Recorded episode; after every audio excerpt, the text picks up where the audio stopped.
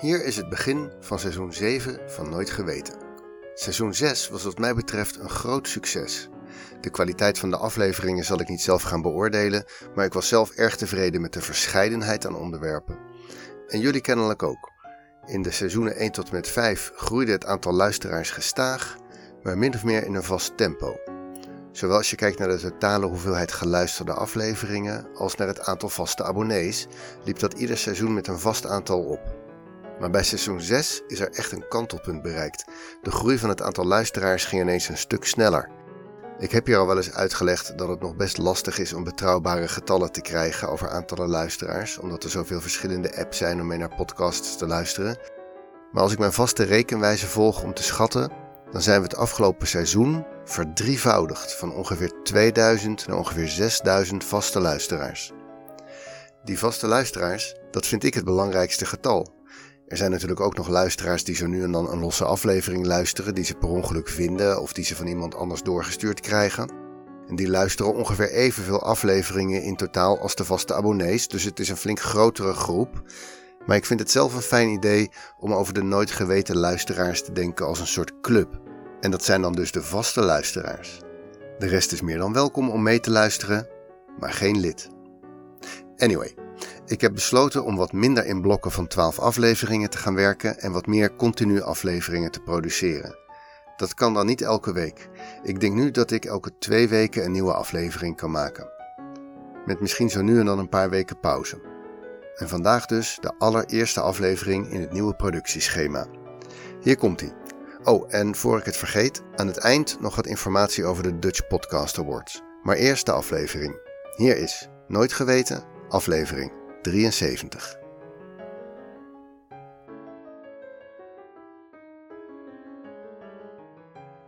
We zijn in Mattoon, Illinois, een klein plaatsje in de Amerikaanse Midwest. In de winter wordt het hier bitter koud, in de zomer smoorheet. Het is 1944, aan het eind van de zomer.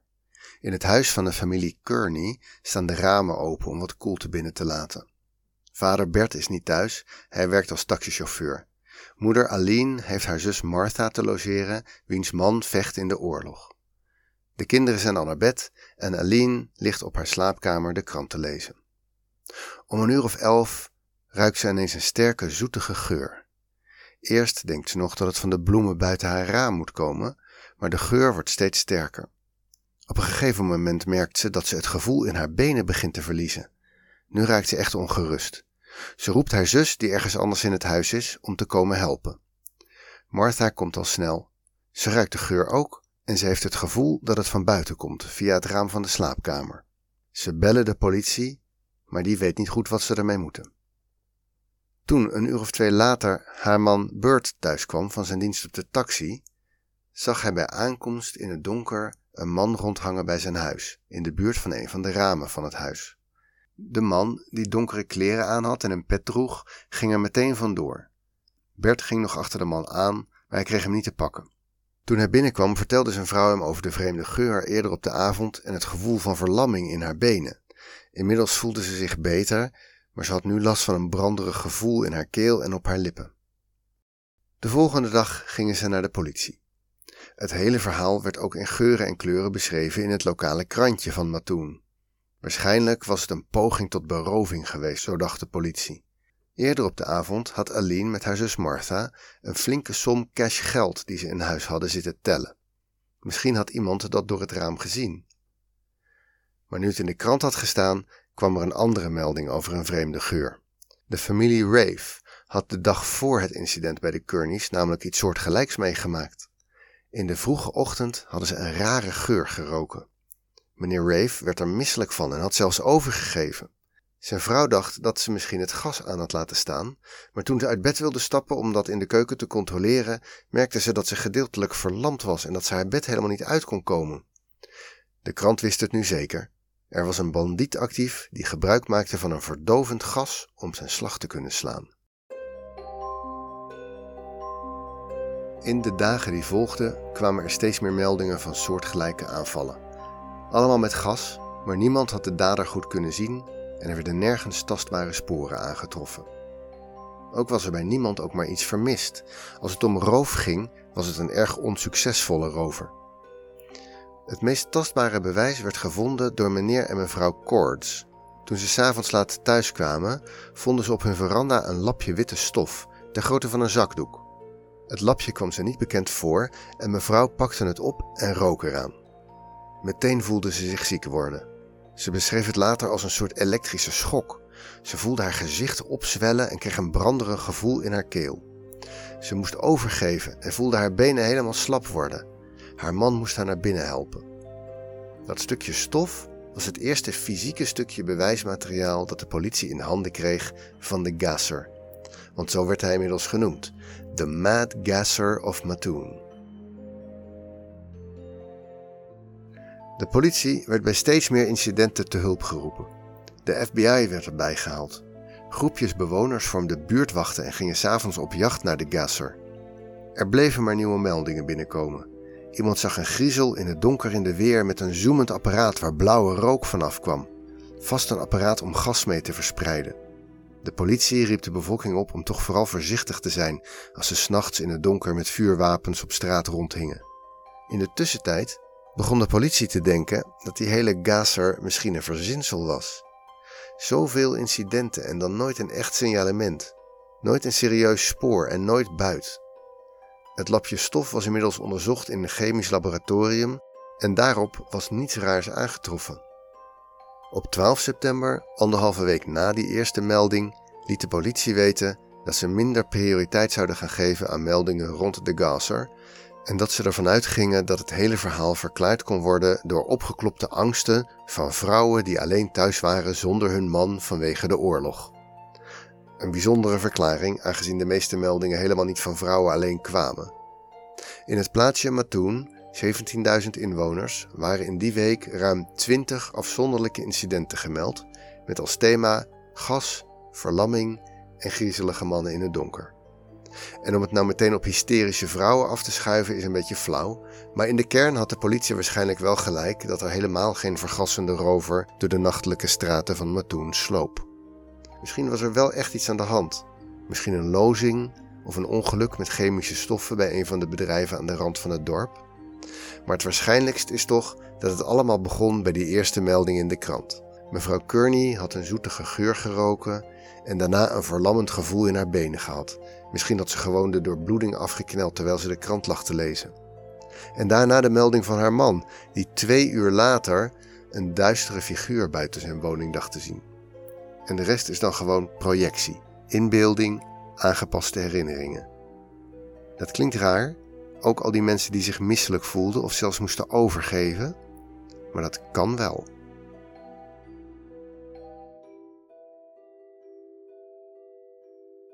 Dat soort situaties waarin mensen echte fysieke verschijnselen ervaren, zoals misselijkheid en verlamming, doordat ze een idee uit hun sociale groep oppikken, dat noemen we vaak massahysterie.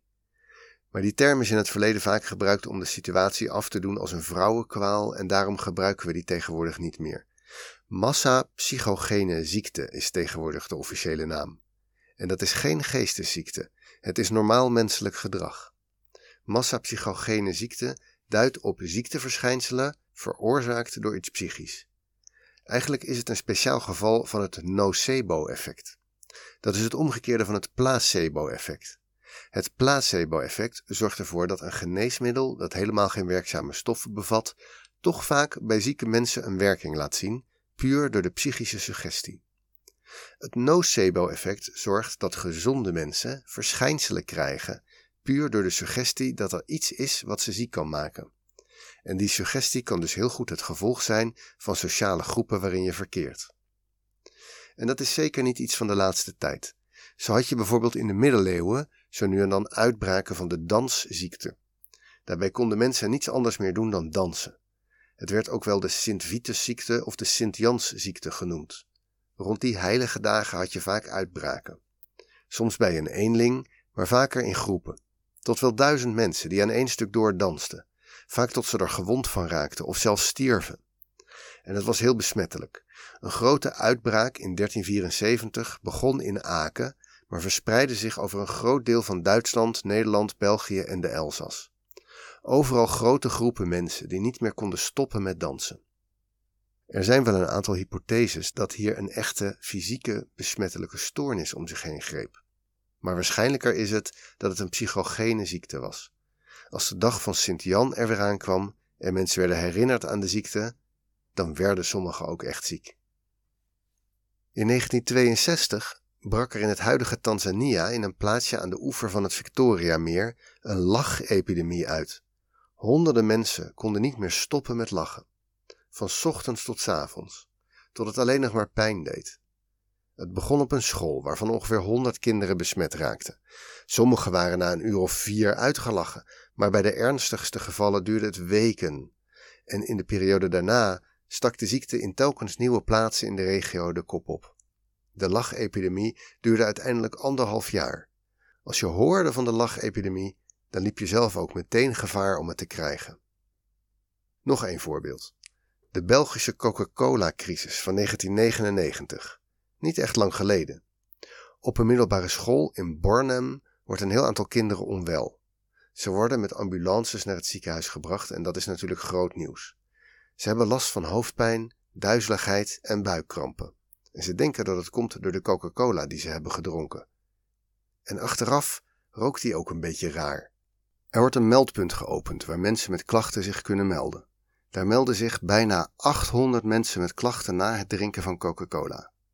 De dag na de eerste ziektegevallen besluit Coca-Cola voor de zekerheid alle producten uit de winkels in België te halen en te vernietigen.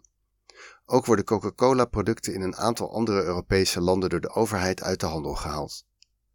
Inmiddels weten we bijna zeker dat de Coca-Cola-crisis een massa-psychogene ziekte was. Er is niets gevonden dat op een serieuze verontreiniging wees.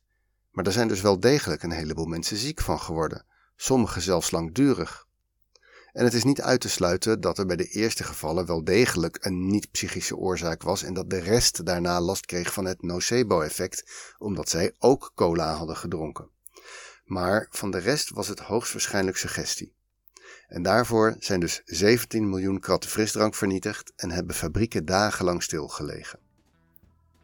Terug naar het Amerikaanse dorpje Mattoon in 1944. Een land in oorlog. Tegen de Duitsers. De Duitsers die sinds de Eerste Wereldoorlog werden geassocieerd met gifgas. Eigenlijk kan ik me wel voorstellen dat de melding over een duistere figuur die rond het huis hing, gecombineerd met het verhaal over de rare zoetige geur en de verlammingsverschijnselen eerder op de avond, dat de journalist er graag een mad gasser van maakte. En dat de ene na de andere dorpsgenoot in de schaduwen ook enge gasgriezels zag staan. Heel normaal gedrag van heel gewone mensen.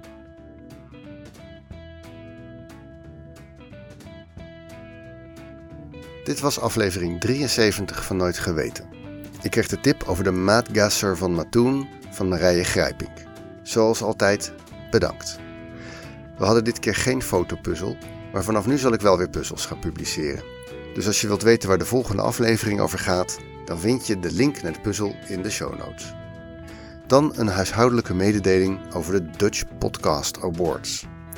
De jury heeft nooit geweten helaas niet op de shortlist gezet voor een van de juryprijzen. Dat is jammer, ik had dat heel leuk gevonden. Maar je kan nog wel gaan stemmen op Nooit Geweten voor de Algemene Publieksprijs. Die gaat Nooit Geweten natuurlijk niet winnen, want er zijn podcasts met een veel bredere doelgroep. Maar ik zou het wel leuk vinden om in de lijst voor te komen. Dus, als jullie even een minuutje hebben, stem dan op Nooit Geweten. Bovenaan de show notes staat een link. Het kan tot en met vrijdag 27 oktober. Stemmen, stemmen, stemmen. Anyway, waarschijnlijk komt de volgende aflevering over twee weken. Nooit geweten wordt gemaakt door mijzelf, Teun Duinstee en is een hommage aan Wikipedia.